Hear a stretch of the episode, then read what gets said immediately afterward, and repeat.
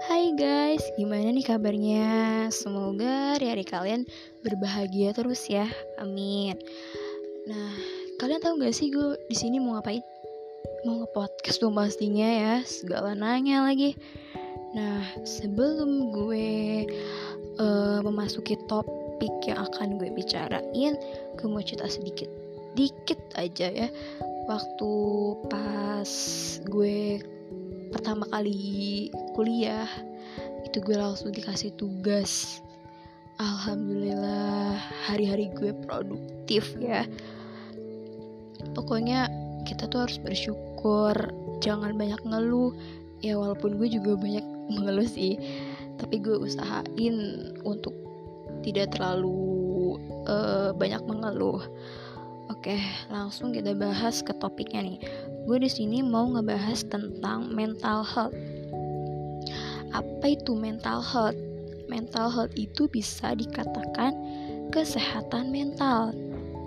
Nah, kesehatan mental itu apa? Yang dapat mengatasi tekanan hidup berjalan dengan normal. Memiliki kesehatan mental uh, itu seperti kesehatan fisik yang perlu kita jaga. Jadi kalian uh, selain menjaga fisik kalian itu juga harus menjaga mentalnya juga ya. Apalagi nih sekarang lagi gencar-gencar corona. Dan kita disuruh di rumah aja. Dan di rumah itu kan secara nggak sadar membuat kita stres, jenuh, dan menyerang mental kita secara perlahan. Terus juga selain itu ada faktor internal, eksternal gitu kan. Ya pasti adalah masalah-masalah gitu kan, tapi kita harus tetap berdiri, jangan down, oke? Okay? Nah, ada berbagai contoh gangguan mental health yaitu kayak depresi, bipolar, mental illness, dan lain-lain masih banyak lagi ya.